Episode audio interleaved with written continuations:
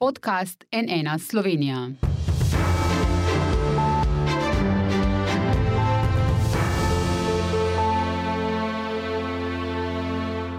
Dobro dan. Spremljate prvo od štirih soočenj na NN pred volitvami za predsednika republike, ki bodo 23. oktobra. Neformalna kampanja traja že več mesecev, zdaj pa je čas, da se med njimi pokažejo tiste ključne razlike, kar bo potem voljivkam in voljivcem olajšalo končno odločitev. V studiu prav lepo pozdravljam tri kandidatke in eno kandidatko. Z nami so Nataša Pircmusar, ki kandidira s podpisi voljivcev, ima pa podporo Piratske stranke in stranke mladih Zeleni Evrope. Dobr dan, dobrodošli. Dobar dan. Anže Logar, ki prav tako kandidira s podpisi voljivcev, ima pa tudi podporo Slovenske demokratske stranke in Slovenske ljudske stranke. Dobr dan. Dan.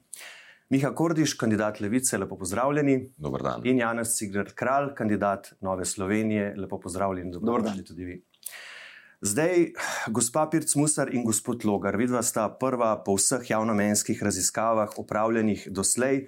Vi, gospa Pirc Musar, ste že rekli, da gospoda Logarja, ki že nekaj časa zdaj tudi vodi v anketah, ne vidite kot neodvisnega kandidata, da se noče opredeliti do določenih tem, za katere je pred časom goreče navijal in da ste vi v resnici neodvisna kandidatka. Povejte, prosim, torej voljivcem bolj konkretno tri razloge, zakaj ste to rekli, zakaj gospod Logar torej ni neodvisen kandidat.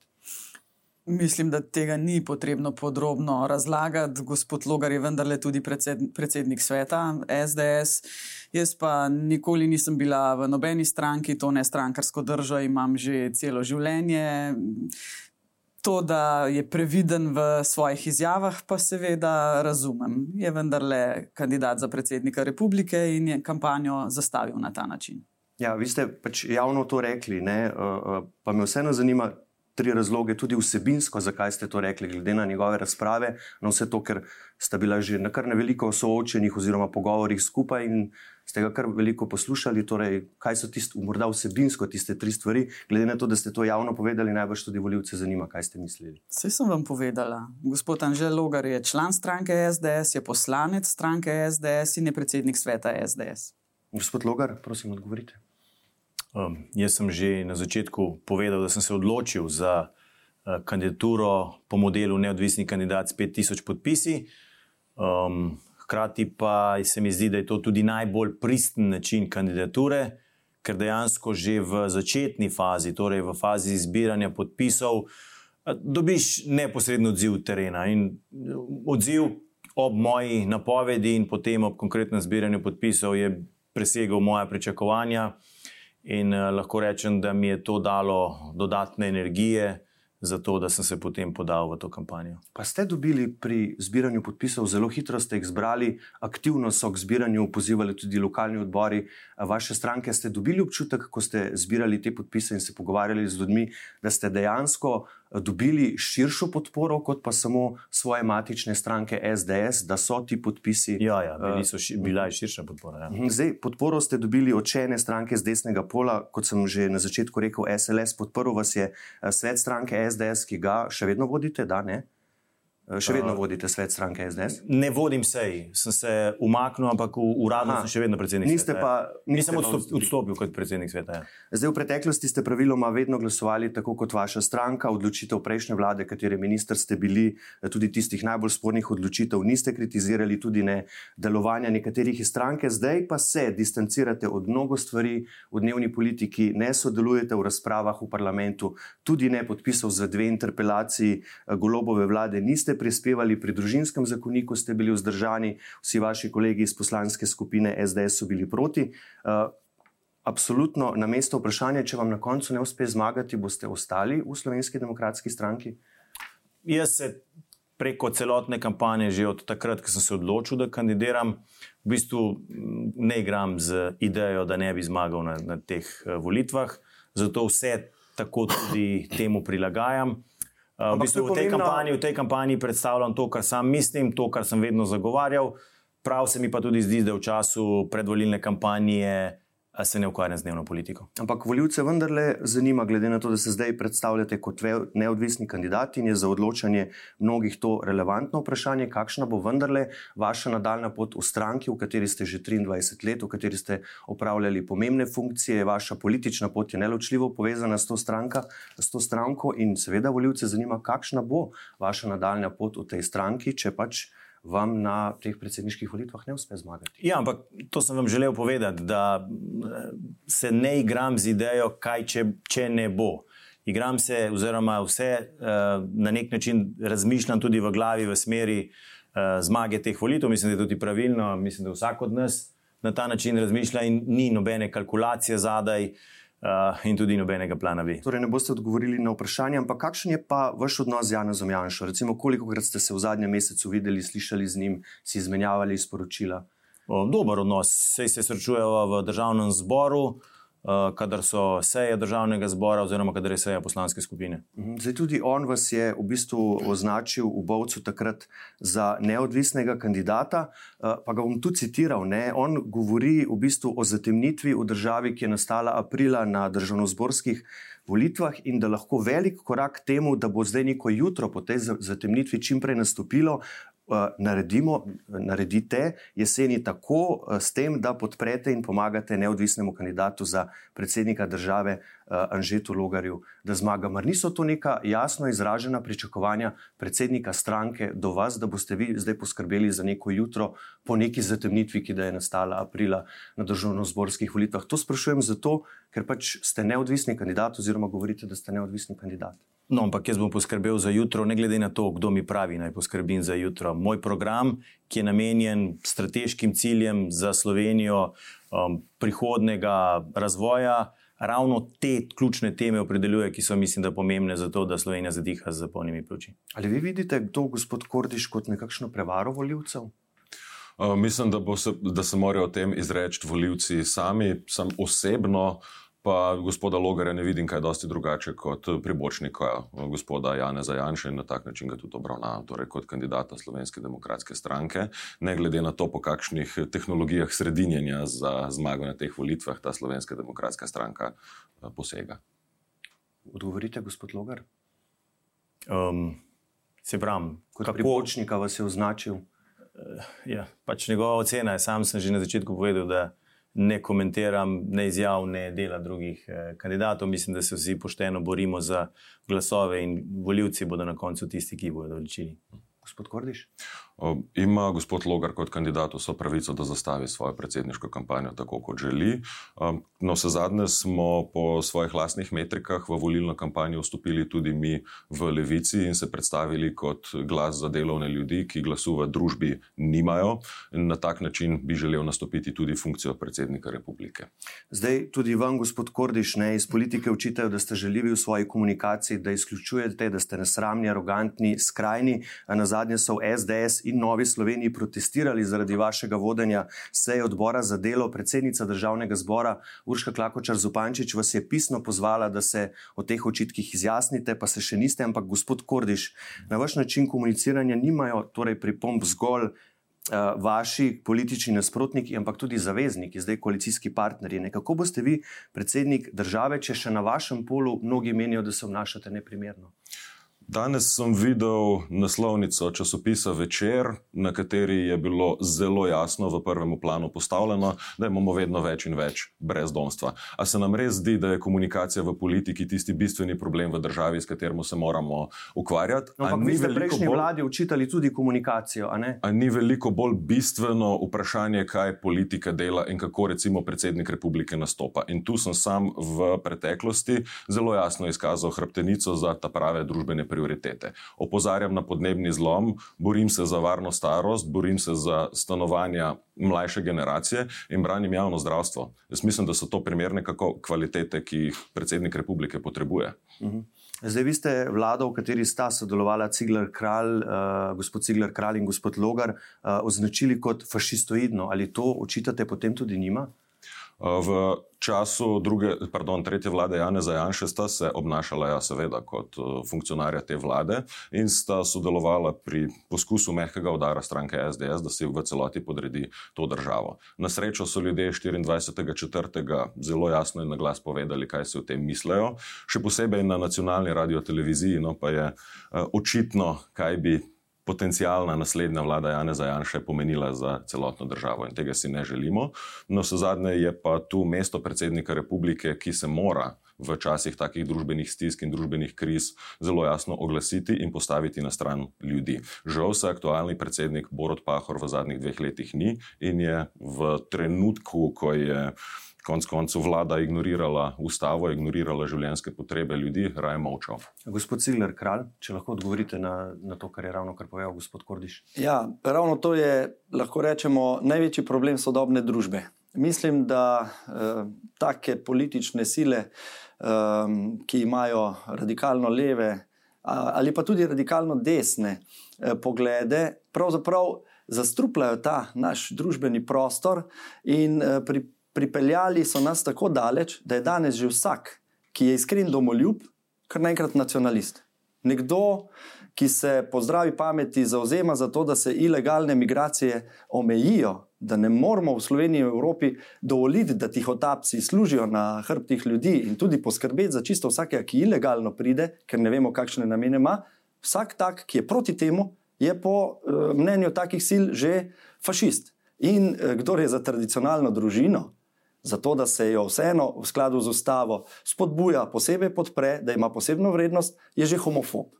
Jaz sem v tej igri, v tej tekmi za predsednika republike zato, da razgalim tak besednjak, da se mu uprem in da sem glas tistih ljudi, ki so iskreni domoljubi, ki so za to, da se družino podpre in ki so za to, da okrepimo našo mir in varnost. In, uh, Eh, tako bi se odzval no, na te besede, kolega. Gospod Kordiš, je gospod Cigler kralj homofob? Jaz mislim, da je gospod Cigler kralj eh, odigral eh, neko ulogo, kjer brani temeljni premik političnega prostora na desno, kot smo mu bili priča v zadnjih 30 letih. Pa sej ljudi v naši družbi ne ogrožajo recimo begunci, ne ogrožajo jih LGBT skupnost, kot se tukaj želi prikazati. Kaj jih ogroža? To, da ne vedo, kako ne plačajo položnice.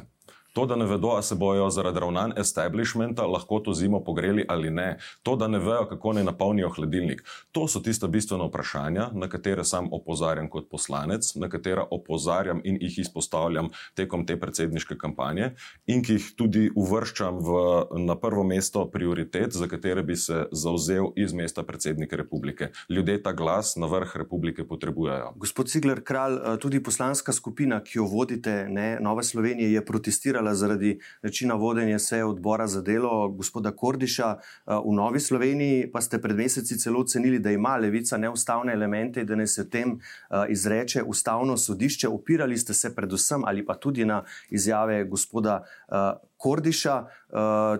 Iz levice pa so takrat prihajali očitki, da želite stranko celo prepovedati.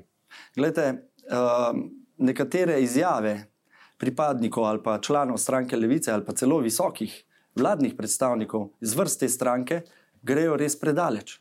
Recimo podjetniki, obrtniki se obračajo na nas, ko so vem, zmerjani, eh, na neprimeren način obravnavani in ko so tudi njim vržene nekatere napovedi, da bojo, recimo, vsi se spomnimo z bajoneti, eh, nagnani eh, v morje. Na drugi strani se mi zdi, da se napada ljudi, ki so iskreno verni, ki hočejo skozi to svojo vero nekako tudi poskrbeti za duhovno vzdušje v naši državi in ki nikomor nič nočejo, samo eh, lahko rečem, izvajajo svojo eh, pravico eh, izražanja vere tudi v javnosti. Mislim, da eh, so bili tudi iskreni domoljubi napadeni in vsi drugi, ki sem jih prej naštel. Dejstvo je, da ljudje od nas pričakujejo, da smo spoštljivi da gojimo en iskren dialog, da tudi če smo različni, nismo razdeljeni. In mislim, da sam želim s kandidaturo, uh, s podporo NSA za kandidaturo, iti ravno v to smer. Ljudje pričakujejo od nas, da nehamo s temi obkladanji, da nehamo iti v smer radikalizma, kajti tak, taka radikalizacija pripelje potem lahko tudi do vojne. Pa še nekaj. Kolega je malo prej govoril o stanovanjih, pa o plačah in tako naprej. Upokojenci so dobili informacijo, da bodo dobili sramotnih 5 evrov In so dodatka. potem rekli, teh 5 evrov kar Raje obdržite. Uh, gospod Cigler Kralj, uh, prav gospod Kordiš vas je marca lani na razpravi o vaši interpelaciji obtožil, da je zaradi vas, ker da ste čez poletje gledali stran epidemija vdrla v domove starejših in citiram, malomarnost ministra Ciglerja Kralja so plačali s svojimi življenji. Gospod Kordiš, a vi te smrti še vedno pripisujete predsedniškemu kandidatu, ki stoji zraven vas? Zelo jasno je bilo, da se v epidemiji COVID-19 vlada Janeza Janše ni odzvala tako, kot bi se morala. Na prvo mesto je postavila zaščito velikega kapitala, na ljudi je pozabila, na male biznise, na SP je pozabila. Spomnimo se na zelo veliko primerov, ko so morali mali podjetniki vračati pomoč, čeprav vemo, da niso zmogli skozi uh, epidemijo. Kar mislim, da je tudi primeren odgovor na to, kar smo strani gospoda Cigla Kralja na moj ali pa na naš račun prejle, uh, prejle slišali. Zelo očitno se ustvarja v družbi strani desnica neka umetna panika, češ kako so obrtniki ogroženi. Mislim, se jih ni levica pustila na cedilu, pustila jih je na cedilu prejšnja vlada uh, Janeza Janše. In zelo jasno je tudi, zakaj to počne. Ker v resnici ščiti korporacije, multinacionalke in banke. Na račun ljudi, uh, ko smo že ravno omenjali COVID, eno kratko vprašanje za vse štiri. uh, Številke so novih okužb so precej visoke, zima je pred vrati. Ste že vsi šli po dodaten poživitveni odmerek za to zimo in kako pogosto se testirate? Uh, jaz sem se četrtič cepila pred tednom dni in testiram se vsakič, ko začutim, da bi lahko bil kakšen prehlad, um, kašelj. Torej, To vsaj enkrat tedensko ali. Po potrebi. Uh -huh. Dobro, gospod Logar. Ja, jaz se vsaj enkrat tedensko testiram, tudi prijavil sem se na cepljenje. Za četrti odmerek. Tako je. Ja. Uh -huh. Gospod Kordiš. Nisem še cepljen s četrtim odmerkom, testiram se, če je kakšen signal okužbe oziroma slabega počutja v moji okolici, zaenkrat pa moram potrkati, sem sam zdrav kot ren. Gospod Cigler Kralj. Cepljen sem s tremi odmerki, nisem se še prijavil za četrtega. Pa se boste? Bom, če bo to priporočilo. mm, Mislim, ja, že kar tudi- priporočajo. mislim, Zdaj, da tudi za mojo- Starejše od 60 let, ne, potem pa pridemo na vrsto še vsi ostali. Ravno to sem hotel reči. Uh, mislim, da ko bo moja starostna skupina na vrsti, uh, bom tudi uh, to storil. Uh, drugače se pa testiram ob kakih, kakršnih koli znakih. Če smem, še na kolego Kordiša. Zelo na kratko, Ker je vseeno zelo pomembno. Kolega Kordiš zelo pogosto izpostavlja čistilke, hišnike, vse zaposlene na minimalni plači in tako naprej. Ja, mi smo minimalno plačo dvignili in to dvakrat. Kaj dela pa ta vlada, v kateri je tudi levica gospoda Kordiša? Dvignila se Znižuje. minimalna plača, ker je že prejšnja vlada Marjana Šarca ne, uh, v bistvu je. spremenila zakon o minimalni Pozor, plači. ne. pozor, zakonom o dohodnini smo neto plače, tudi minimalne, pa vse ostale, kar je tudi edino prav, dvignili. Kaj pa dela ta vlada zdaj? Pred krizo, ko ne vemo, kaj nas čaka, bo minimalno plačo znižala za 100 evrov neto, bomo- povprečno za 200 evrov in tako naprej. In bomo o tem na naših soočenjih še absolutno govorili zelo na kratko, potem pa moramo naprej. gospod Mislim, mislim, da se je gospod Ciglar Kralj vključil v to predsedniško tekmo samo zaradi tega, da dela špetir in skače vame. Jaz bi veliko raje, da se pogovarjamo o dejanskih problemih v naši družbi in eh, dejanskih stiskah ljudi. Zato sem recimo včeraj tudi javno zelo na glas pregovoril, da je potrebno ob sprejemu proračuna za naslednje dve leti pokojnine za leto 2023 popraviti ne za 5, ampak za 50 evrov. In to tudi pričakujem od vlade. Od gospa parol se ne da živeti. Eh, Gospa Pirc Musar, gremo naprej. Eh, Ugledni kirurg in borec proti korupciji v zdravstvu, dr. Erik Brecel je o vas rekel, citiram, Nataša Pirc Musar zagotovo ne bom podprl, meni je pravi obraz pokazala z grozilnimi pismi, ki mi jih je pošiljala in v katerih je dobesedno grozila, da bo ukrepala proti meni, ko sem opozarjal na kriminal in korupcijo v zdravstvu. Vi ste na to odgovorili, da je dr. Brecel, da močno pretirava, da je orodje nekaterih oseb, ki želijo na vsak način preprečiti vašo kandidaturo za predsednico. Zdaj, dr. Breclju očitati, da je orodje v rokah kogarkoli, mar ni to malo eh, sk- skrajno, dr. Brecel je ocenil, da je to v bistvu izjava osebe, ki je v stiski. Doktor Brecel je odličen kirurg.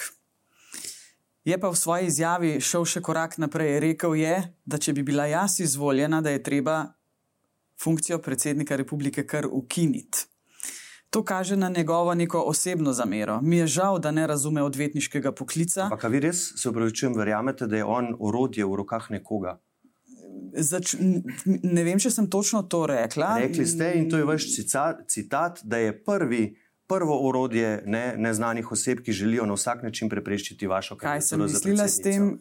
In, To- bil, in še več, ne, ni bil edini, ki je vaše tovrstne dopise razumel kot grožnjo. Po naših informacijah je več profesorjev z FDV in komunikološkega društva vaše pisanje v zadevi Karmena Rjavec, ki ste jo zastopali, razumelo kot grožnje. To je klasično odvetniško delo. Mi je žal, da ne razumejo odvetniškega poslanstva. Vsak se ima pravico braniti. Odvetništvo je ustavna kategorija in odvetnik mora v skladu s svojimi etičnimi načeli in spravnim znanjem stranki pomagati. In to je vse, kar sem jaz v tem primeru naredila. Ne gre za nikakršna grozilna pisma, šlo je za opozorilo, da je širil neresnice. Mimo grede sem vesela, da jih kasneje ni več. Še celo to lahko povem, svoji stranki sem takrat svetovala, da ne gre v tožbo, da bo neko opominsko pismo dovolj. Me je pa začudilo, če greva zdaj nazaj na to mojo izjavo, zakaj je o tem pismu začel govoriti po dveh letih in pol, kar ga je prejel. Sem ga tudi pozvala naj ga objavi, pa ga še do danes. Ampak ne. ravno ko se je on oglasil, se, se je potem tudi ponovno, so se pač na FDV spomnili tistih vaših dopisov. Torej, ni dr. Brecel edini. Več ljudi, in to so ugledni posamezniki, celo profesori iz komunikološkega društva, za katere bi kar rekel, da se spoznajo na komuniciranje, a ne, so pač vaše dopise razumeli kot grožnjo. Tu ne gre za komuniciranje, gre za odvetniško delo. Odvetnik opozori na kršitve in opozori na to, kako pravo gleda na takšne kršitve. To je naše delo, to je ustavna kategorija odvetništva in mi je resnično žal, da to jemljajo osebno. Odvetniki delamo v imenu stranke. In to je vse. Mhm. Zdaj, gospa Pirtmus. Pircmusar, glede na to, da veliko govorite o svobodi medijev, sočustvujete z zaposlenimi na RTV Slovenija, jih spodbujate. Uh, vaš pogled na svobodo medijev razkriva tudi poteza, ko ste svojega moža uh, poslali na srečanje s Tomažem Veselom, ki je zdaj direktor v tako imenovanih odlaskovih medijih iz uh, skupine Medija 24. In zdaj vas bom citiral iz tarče. Aleša sem samo prosila, naj se pogovorita, ali bo ta predvolilna predsedniška kampanja čista, ali lahko kampanjo speljamo brez metanja polen pod noge. Očitno pri tem pogovoru ni bil uspešen, kajti tudi po tem pogovoru z gospodom Veselom sem jaz dobila po 6-7 negativnih člankov na vsako edicijo reporterja in necenzurirano. Gospod Kordiš, ali ni to klasičen primer poskusa vplivanja na medije? Uh, mislim, da se je vsakdo izmed nas, ki smo na tem soočeni, že kdaj, že kdaj oglasil, mogoče celo spotaknil ob uh, medijsko poročanje, ki mu mogoče ni bilo všeč ali ga je pa zmotila kakšna prezentacija informacije. A pa vi tudi pošiljate koga potem tako na kakšne take sestanke, da se Ne. poskuša kaj zmeniti? Ne, nikakor. Meni se zdi to popolnoma zavrženo in nesprejemljivo in zelo spominja na sicer obsežnejšo in bolj sistematično prakso discipliniranja in rušenja medijske svobode, kot jo prakticira uh, stranka SDS, kot smo lahko videli v prejšnjem mandatu in kot se še zdaj dogaja na naši nacionalni radioteleviziji. Sam tega ne bi nikoli naredil. Gospod Pircmusar, boste odgovorili? Vse sem že vse povedala. Jaz, Tudi to, kar je izpostavil gospod Kordiš ravno kar. To spominja na delovanje stranke SDS. Absolutno ne, jo, lepo vas prosim, s tem enačiti pa je pa popolnoma deplasirano. Želela sem res samo od gospoda Vesela izvedeti, ali bo kampanja čista. No, in kot rečeno, lahko še enkrat ponovim, s tem pogovorom vodja volivnega štaba takrat ni dosegel nič. A je to, gospod Logar, pritisk na medije? Zdaj, mediji, pa ljudje iz medijev so bodi si dovzetni za pritiske, bodi si niso dovzetni za pritiske. Zdaj, novinar ali pa nekdo, ki je v medijski hiši in ima integriteto, verjetno takšnega stika ne smatra ker, kot pritisk, ker sam samostojno dela. V primeru, da pa gre za vem, neke, nekoga, ki je v enem začetnem uh, obdobju uh, uvajanja, pa verjetno bi se lahko smatralo to kot uh, pritisk, pritisk na njega. Ja. Z direktorjem se je dobil, ne? neke medijske družbe. Ja. No. A lahko morda samo dodam. Izvolite. Jaz bi si želela, da sem zadnja, ki sem o teh stvarih govorila. Nisem ne prva, zadnja pa žal verjetno tudi ne. Razprave o medijski svobodi, o pritiskih na novinarje, na novinarje so zagotovo del tega, kar bi morali morda tudi novinari med seboj uh, razčistiti v svojem cehu. Predtem si ne smemo zatiskati oči. Res je, da so mediji morda izgubljeni v nekih poslovnih modelih, s pojavom internetnih medijev se je izgubil poslovni model zaračunavanja člankov, in uh, Slovenija ni edina, ki se s tem ukvarja. Ne? Ampak se pa se mi, se mi pa zdi, no, da se o tem problemu znotraj medijskega ceha, znotraj medijske srednje premalo pogovarjamo, predvsem pa se novinari med seboj premalo o tem pogovarjate. Gospod Logar, tu bi vas vprašal, je bil zapis eh, vašega predsednika o vojni z mediji, vladni topis Sveta Evrope v komunističnih medijih, uh, vladno mrcvarjenje STA-ja, tu ni bil pritisk na medije? Zdaj, Niste bil, se oglasili tako? To, to je bil dopis Urada vlade za komuniciranje. Da. Ja. Um, Ministrstvo za zunanje zadeve ga je poslalo kot odgovor. Ampak urad vlade za komuniciranje komunicira v imenu vlade, ne? drži. Uh, ja, v imenu vsaka, vsaka služba, oziroma vsako ministrstvo ima svoje. Ste bili direktor Ukoma, ne? Ja, ja, ja se zato razlagam. Vsak, vsako ministrstvo ima svojo uh, službo za odnose z javnostmi, uh, medtem ko pa vladni del ta pa Ukom komunicira. Zdaj, ministrstvo zunanje zadeve je ta dopis posredovalo Svetu Evrope, kjer je bil odprt podlist glede na pritožbe iz strani medijev. In uh, Svet Evrope je ta dopis uh, objavil poleg tiste obtožbe. In vi takrat, kot zunani minister, niste imeli nobenih pomislekov glede vsebine, niste imeli nobenih vzvodov, da bi uh, pošiljanje tega dopisa tja gor preprečili. Ne, pa sej, zato je ta depešni sistem, zato je to vrstna oblika pošiljanja sporočil organov, ki so odgovorni oziroma so neposredno naslovljeni. Jaz si težko predstavljam, da bi recimo uh, Ministrstvo za zunanje zadeve meritorno ocenjevalo, kere dokumente lahko pošlje naprej, katere pa ne. Kadarkoli smo dobili strani Ministrstva za zdravje, strani Ministrstva za notranje zadeve, strani Ministrstva za pravosodje, dokumente smo jih opremili z tekstom in posredovali naslovniku. Tako smo ravnali tudi v tem primeru, in tudi o tem primeru je, bila, je tekla potem seja državnega oziroma uh, odbora za zunanjo politiko in odbora za kulturo kjer je opozicija napadala ta dopis, sam sem pa samo razložil redosled tega in da je uporaba tako imenovane depeše napačna za ta dopis. Ko je vlada mrcvarila STA, se pa niste oglasili. Zdaj bomo slišali del razprave iz parlamenta, letela je prav na vas, gospod Logar, in poglejmo to. Ustavno sodišče je vrhovni branik ustave. A veste, čigave besede so to? To so besede gospoda Anžeta Logarja, poslanca poslanske skupine SDS, ki je te besede izrekel na večernem soočenju na Pop TV s kandidatko za predsednico republike. Ker ona je namreč rekla, da je vrhovni branik ustave predsednik oziroma predsednica republike, gospod Logar pa jo je popravil. In prav imate, gospod Logar, vrhovni branik ustave je ustavno sodišče, ki je bilo tukaj popolnoma jasno. Določbe družinskega zakonika, ki se sedaj spreminjajo, so nasprotju z ustavo, Gre za diskriminacijo na podlagi osebne okoliščine, to je spolna usmerjenost, kar naša ustava prepoveduje. Gospod Logar, vi ste bili vzdržani na tem glasovanju, ker je to tema, ki preveč deli, da bi si vlada morala tudi vzeti več časa, ste rekli, ampak ustavna odločba je bila nedvoumna. Ne? Še več novo pravno stanje je v bistvu uvedlo že samo ustavno sodišče. Ne? Državni zbor je moral zgolj potrditi uh, to novo pravno ureditev, če tako rečem. Ne, ko je državni zbor julija 2019 na predlog Šarčeve vlade odločal o financiranju zasebnih šol, ste vi, gospod Logar, v svoji razpravi citirali nekdanjo predsednico ustavnega sodišča. Jadra Kosovdat z njene besede: Če spoštujemo pravila vladavine prava, potem se odločbe ustavnega sodišča spoštujejo. Konec citata njenega. K temu ste pa vi dodali, citiram, pika brez nadaljne razprave. Gospa Pirc Musar, so to dvojna merila gospoda Logarja? Najprej bi rada povdarila, da tudi gospa um, Urška Klakočar Zopančič nima prav, da je ustavno sodišče vrhovni branik ustavnih pravic. Ustavno sodišče odloča zgolj o zadevah, ki pridejo na njihovo mizo. Ustavo moramo braniti pa vsi. Najprej prvi v vrsti predsednik republike in seveda tudi vsi poslanci, toliko samo v uh, okay. pojasnitev. Um, dvojni standardi glede tega, ali je treba spoštovati odločitve ustavnega sodišča ali ne. Jaz upam, da bomo to v naši družbi presegli. Kot predsednica se bom zagotovo zauzemala za to, da se bo odločitve ustavnega sodišča spoštovalo.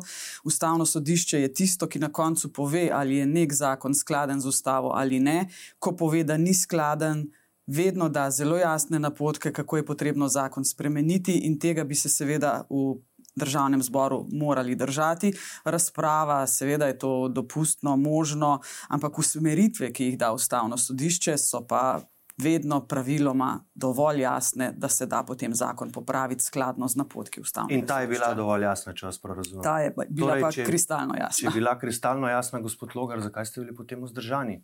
Uh, iz enega preprostega razloga. Tudi glede na to, se upravičujem, ne, kar ste v preteklosti govorili, ko je šlo za financiranje zasebnih eh, šol in uh, ustavne odločbe, je, uh, za katero se je čakalo kar veliko več časa, da se je potem uveljavila. ne? Bistveno preveč, mislim, da se je čakalo. No, ampak ustavna odločba je ustavna odločba. Ne? In to sem vedno potrdil in vedno podčrtal, da spoštujem odločbo ustavnega sodišča. To Ampak o tem bi pa še razpravljali, Temeljno, vo- tel, temeljno vodilo. Uh, ustavno sodišče je dalo šestmesečni rok za uveljavitev pravne norme. Ob tem je navedlo, tako kot ste omenili, izvajanje družinskega zakonika, kar pomeni, da v nobeni fazi ne prihaja do protiustavnosti. Kaj je predsednik vlade rekel na zadnjih poslanskih vprašanjih? Da je to tema, ki močno razdvaja, ki je občutljiva. Kaj je napisal predsednik ustavnega sodišča v svojem ločenem pritrdilnem mnenju? Da odločitev ustavnega sodišča ni zmaga ali poraz ene ali druge strani, ampak predvsem obdobje razmisleka.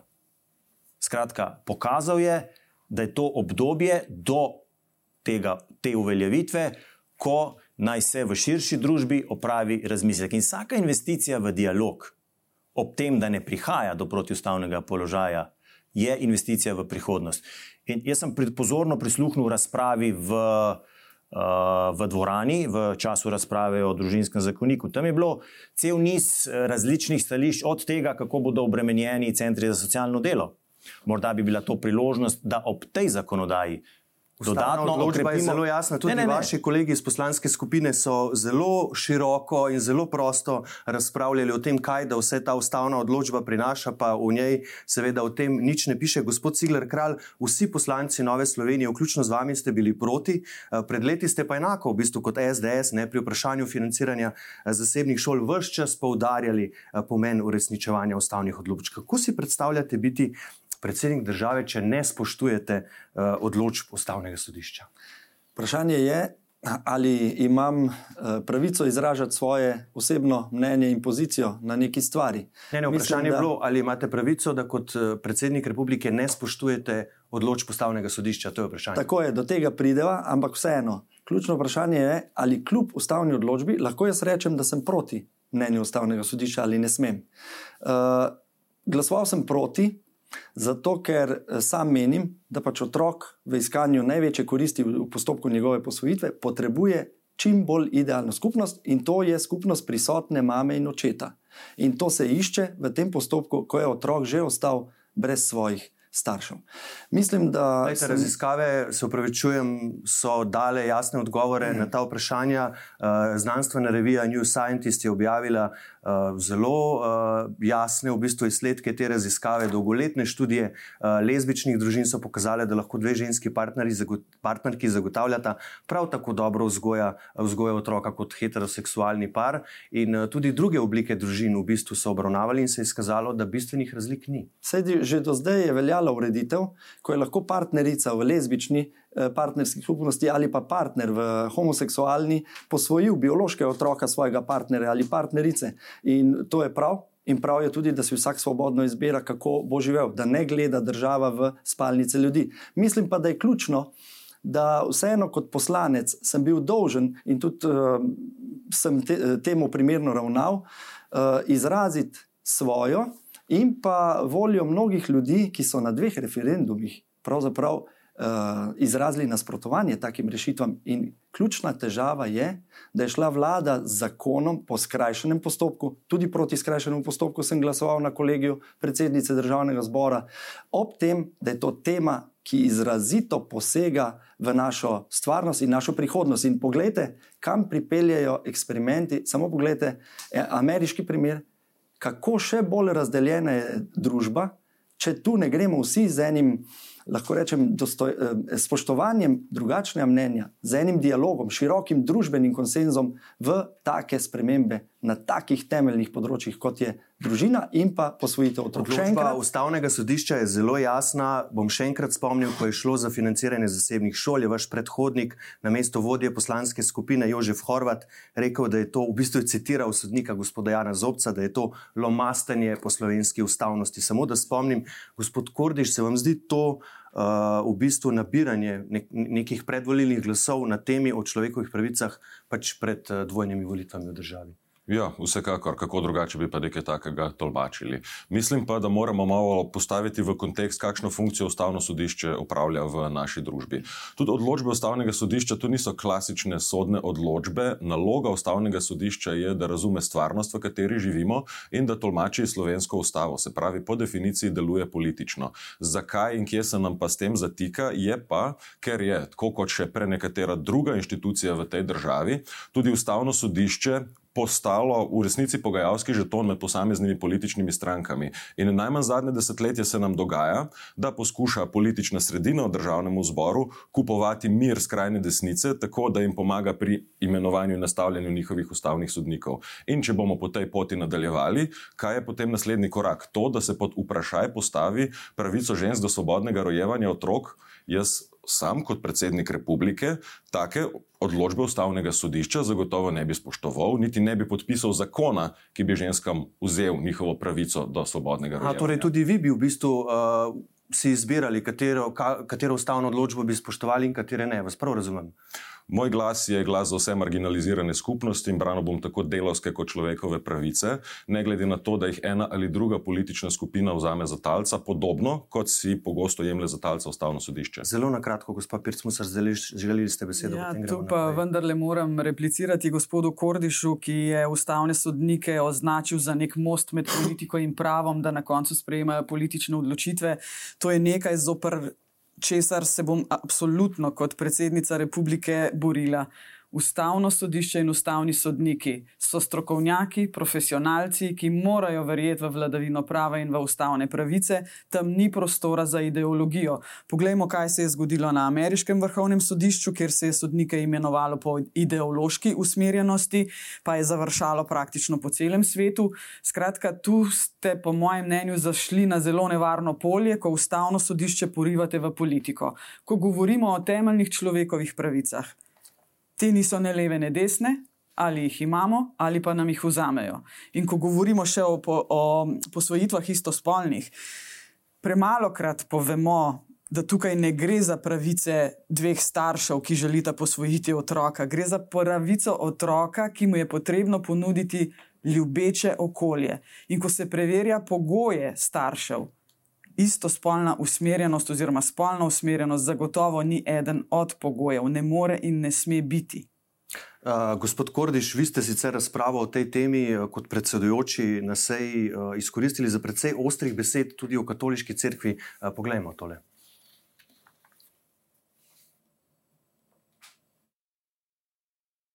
Se mi zelo nenavadno, da poslušamo, da poslušamo pridige o tem, kaj je naravno in ne naravno, in kaj je prav in kaj ni narobe v družbi in v družinah in ne vem kaj še vse, strani desnice, katerih ideološka hrbtenica je Rimokatoliška crkva.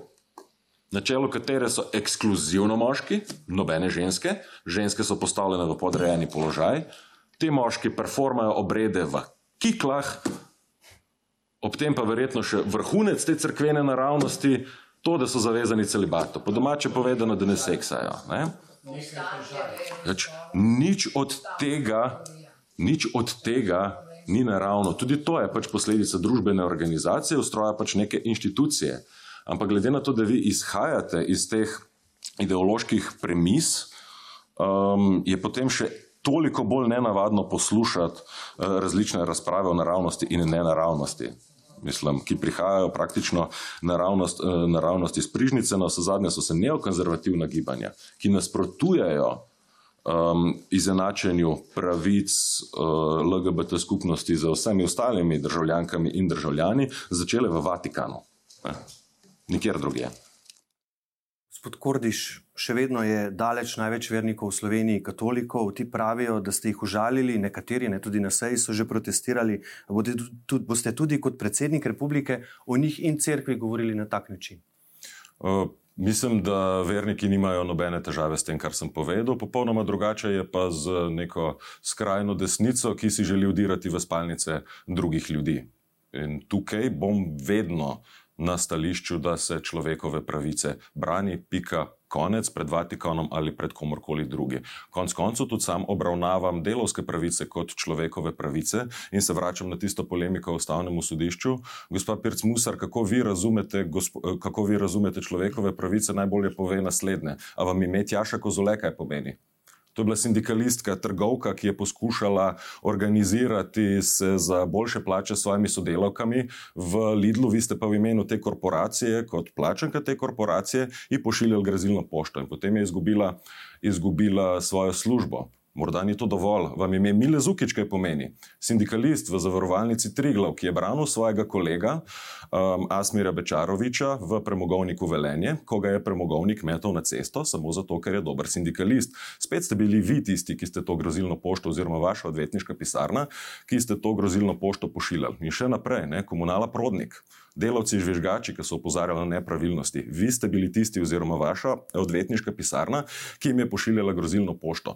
Vse te primere poznam, ker večino teh ljudi poznam osebno. Medtem, ko ste vi delali za kapital in za korporacije, da se te delavce zdisciplinira, sem bil sam z njimi in sem jim pomagal, da se organizirajo za svoje delovske pravice.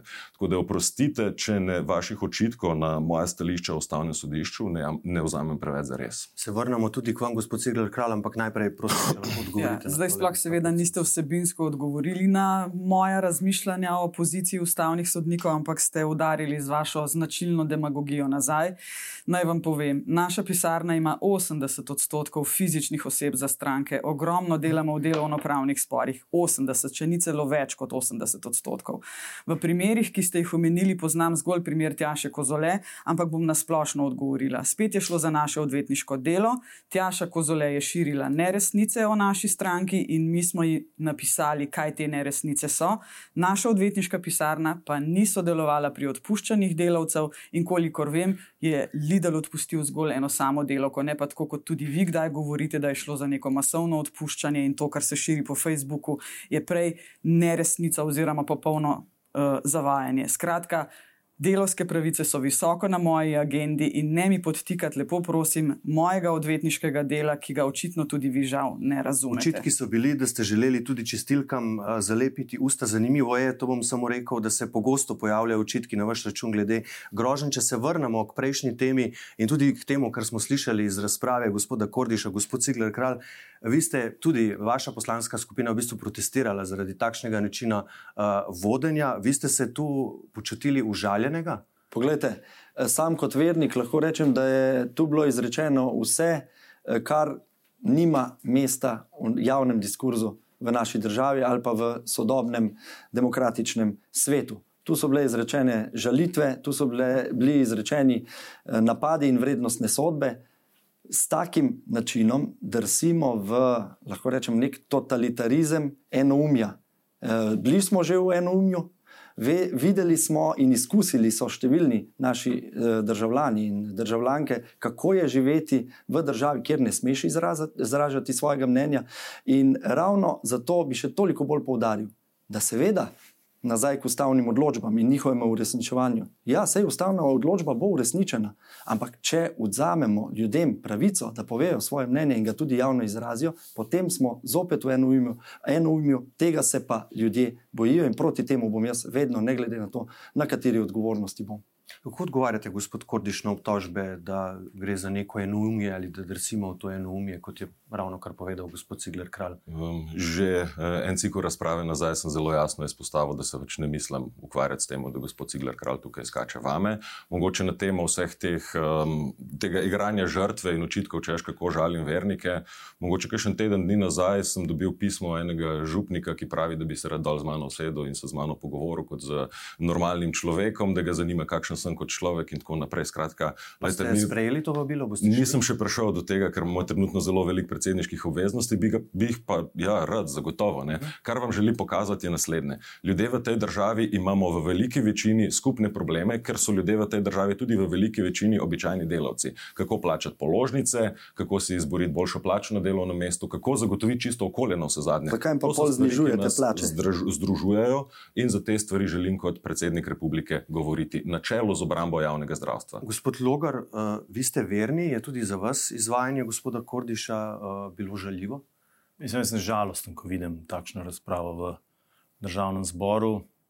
Je neprimerna, ne pritiče državnemu zboru. Mislim, da moramo vsi si prizadevati k kvaliteti dialoga, k nivoju dialoga. In če kaj se absolutno ne strinjam z besedami Kordiša iz uvoda, da komunikacija ni pomembna. Mislim, da je komunikacija ključna.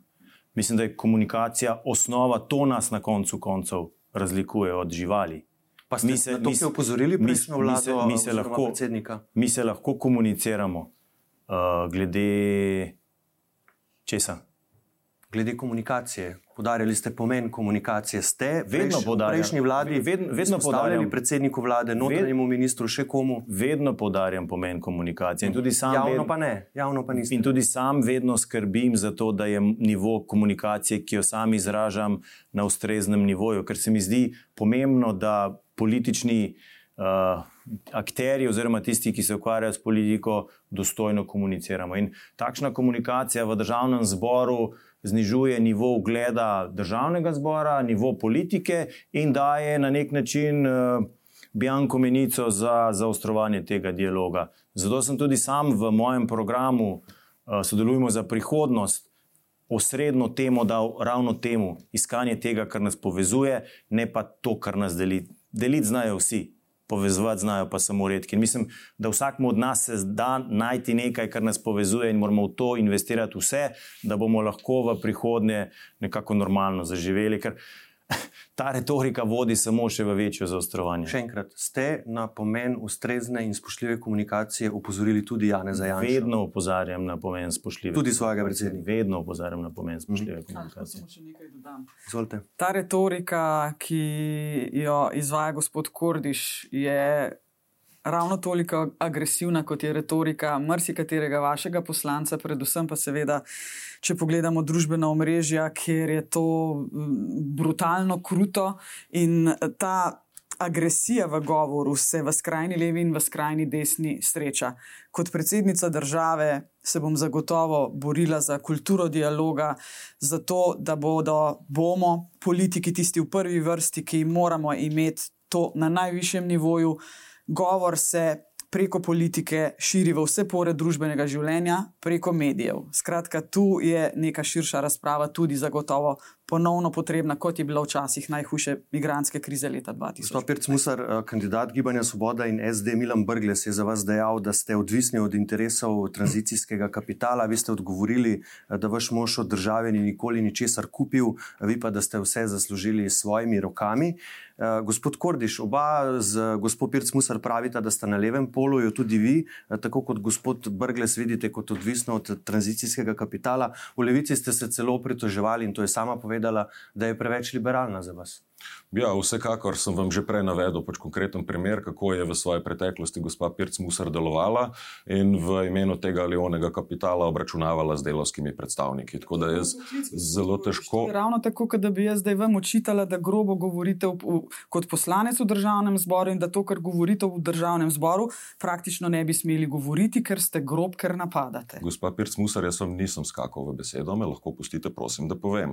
V tej državi imamo zelo veliko odvetniških pisarn, ampak ne delajo vse odvetniške pisarne, očitno v tako velikem obsegu na obračunavanju z delovskimi predstavniki. Tako da jaz, gospod Pirc Musar, razumem kot kandidatko politične sredine, liberalno, če želite, nikakor pa ne levo.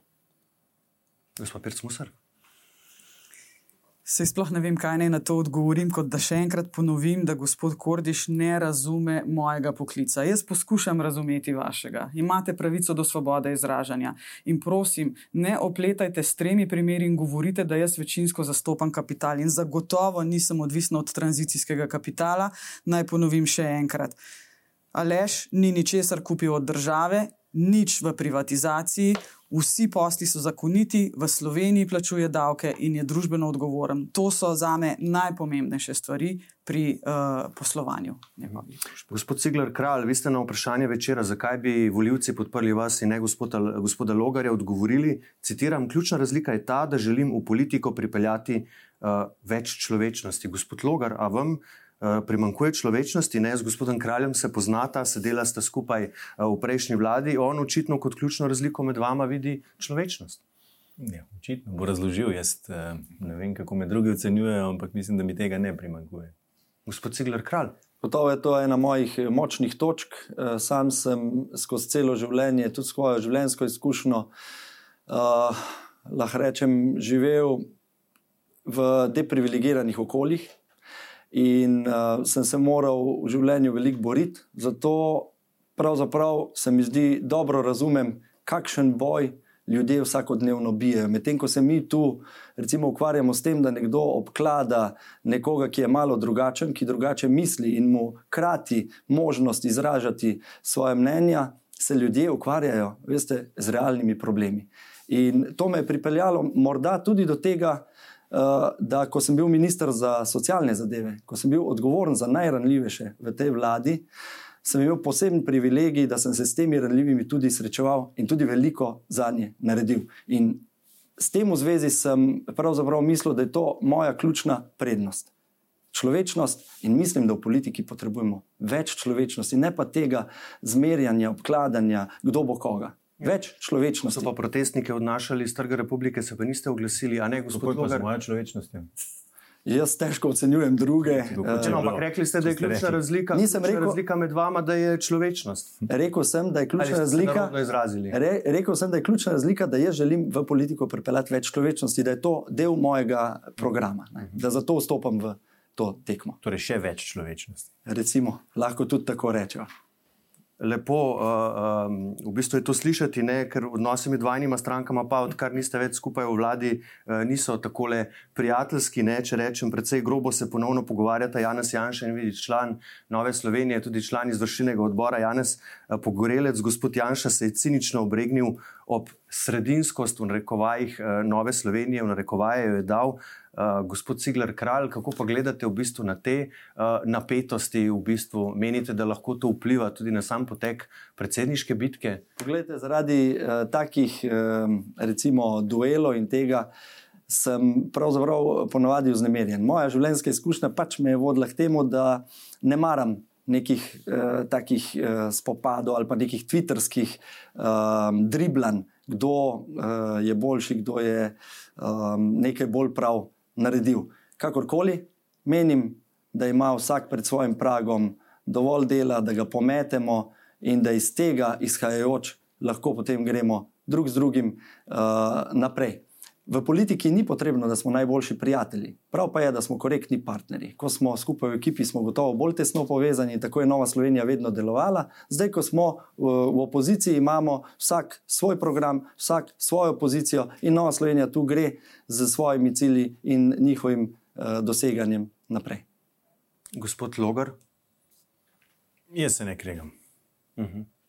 Kako pa gledate na druge, ki se? Jih opozarjate. Od, od, odsvetujem kreganje, um, pač več kot to pa tudi ne morem. Gospod Kordiš, kako vi razumete uh, kandidaturo, to, da se je Levica na koncu odločila za vas? Ne? Nekateri vidni člani uh, vaše stranke so. Tako bolj neformalni komunikaciji z nami, novinari, rekli, ja, zakaj pa ne? ne. Tudi vaš predstavnik za odnose z javnostmi na Facebooku v bistvu uporabi vključnik Miha Kordiš za predsednika, zakaj pa ne. Kako ne razumemo v bistvu to odločitev, da so vas izbrali, ker za tako odgovorno, najvišjo politično funkcijo v državi, edino neposredno voljeno na državnem nivoju, uh, nekoga, ki je kandidat, zakaj pa ne? Um, morda najlažje, če na hitro odgovorim, ker za zelo posrečeno šalo iz uh, tednika Mladine, kjer je podala odgovor na vaše vprašanje, da me levica kandidira za nalašč. Nekoliko bolj resno pa imamo zelo očitno opravka z, des, z dejstvom v naši družbi, da je establishment v zadnjih 30 letih ljudi pustil na cedilu. Družbi je vzel njeno solidarnost in jo pretopil v dobičke kapitala za banke, za multinacionalke, za varovalnice in tako naprej. Sam zmeran dosledno stojim tako na strani skupnosti, kot na strani delavcev, ki se borijo za svoje preživetje. In sem bil aktivist že zelo dolgo časa, preden sem se sploh usedel v poslanske, poslanske klopi in tu sem vedno držal uh, hrbtenico, vedno sem se držal svojih zavez do državljank in državljanov in mislim, da je to natančno tisto, kar od predsednika republike potrebujemo, da se zauzame v tujini za bratstvo med narodi in za solidarnost v domovini. Uh, boste dobili še uh, vi besedo, gospod Logar, ker ste želeli samo še vprašanje za gospod Pircmusar. Vi vidite to kandidaturo kot resno ali kot kandidaturo, zakaj pa ne? Ne, ne, vsakega kandidata je potrebno resno imeti na teh volitvah. Jaz spoštujem prav vsakega med vami in tudi tistih, ki jih danes ni tukaj. Želim pa si, seveda, da bi govorili umirjeno o vsebinah in o pristojnostih predsednika republike. Tako da um, spoštujem tudi gospoda Kordiša. Gospod Logar, Čeprav se ga ja, z njim ne strinjam. Zdaj, kdo je pustil koga na cedilu? Jaz se bojim, da je aktualna vlada pustila državljanke in državljane na cedilu. Včeraj sem imel na obisku avstrijskega zunanjega ministra kjer so se pogovarjali tudi o upravljanju z to krizo, z draginjo. Avstrija je v najkrajšem možnem času sprejela zakon, po katerim so vsakemu prebivalcu dali draginski dodatek v skupni vrednosti 86, 56 milijard evrov, vsak je dobil na račun 500 evrov. Sprašujem se, kaj je vlada, v kateri sedi tudi stranka Levica, v umestnem času, ko je vsakega od nas, vsakega prebivalca strah, kako bo preživel zimo in si upa, da bi bila zima čim bolj zelena, kako se bo spopadel s to krizo. 5 evrov za upokojence žal ni dovolj. Izvolite, gospod Kordiš. Vsekakor, 5 evrov za pokojnice ni dovolj, zato sem se tudi javno zauzel in spregovoril, da se morajo pokojnine popraviti vsaj za 50 evrov, ne pa za ušivih 5 evrov. Vse zadnje je to tudi določba iz koalicijske pogodbe in mislim, da jo moramo zasledovati. Z draginjo se je potrebno spopasti na dva načina. Eno je pomagati ljudem tukaj in zdaj, da napolnijo hladilnike, da vedo, da bojo lahko pokrili položnice in tako.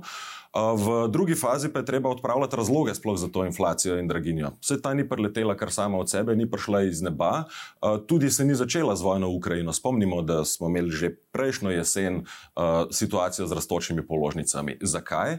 Zato, ker je nekaj globalnih igralcev, nekaj globalnih naftnih korporacij kratko malo vzalo, vzelo za talca prebivalce tega sveta, države tega sveta in jim začelo navijati cene. Skratka, razlog za to inflacijo in za to draginjo je kapitalizem, in tu mora država ukrepati na način, da strateške gospodarske panoge izuzame v trga.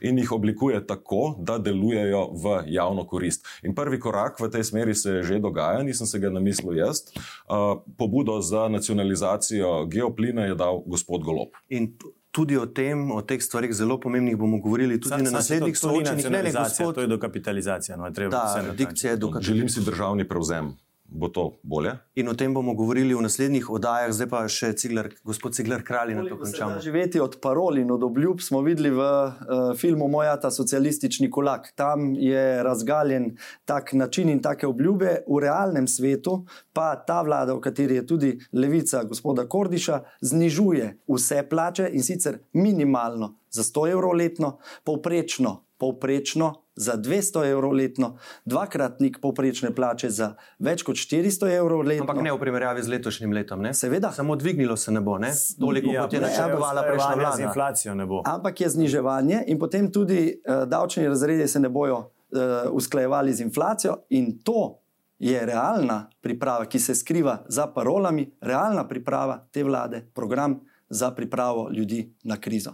Na kratko in potem res končamo. Izvolite, gospod Kordiš. Znova, gospod Cigler Kralj spet skače vame. Zakaj? Zato, da brani davčne razbremenitve največjih bogatašov v naši družbi in jih zagovarja, češ, vi pa znižujete delovske plače. Ni res. Delavci so tisti, ki najbolj potrebujejo socialno državo, ki najbolj potrebujejo javnega zdravnika, čisto okolje. Konc koncu, mladi, mladi delavci smo soočeni, so soočeni v naši generaciji s tem, da ne morejo normalno do stanovanja. Do stanovanja pa lahko pridemo samo samo, če ima država sredstva in jih zagotovi kot človekovo pravico, kot neprofitno streho nad glavo. Enako velja tudi recimo za skrbstvo starejših. In to so vse zelo pomembne teme, o katerih bomo govorili in se bomo za nje tudi vzeli dovolj časa. Danes nam ga je žal zmanjkalo. Spoštovani gosti, najlepša hvala, gospa Pirc Musar, gospod Logar, gospod Kordiš in gospod Cigler Kralj. Hvala lepa za obisk na NN. Hvala, Hvala za vabilo. Hvala.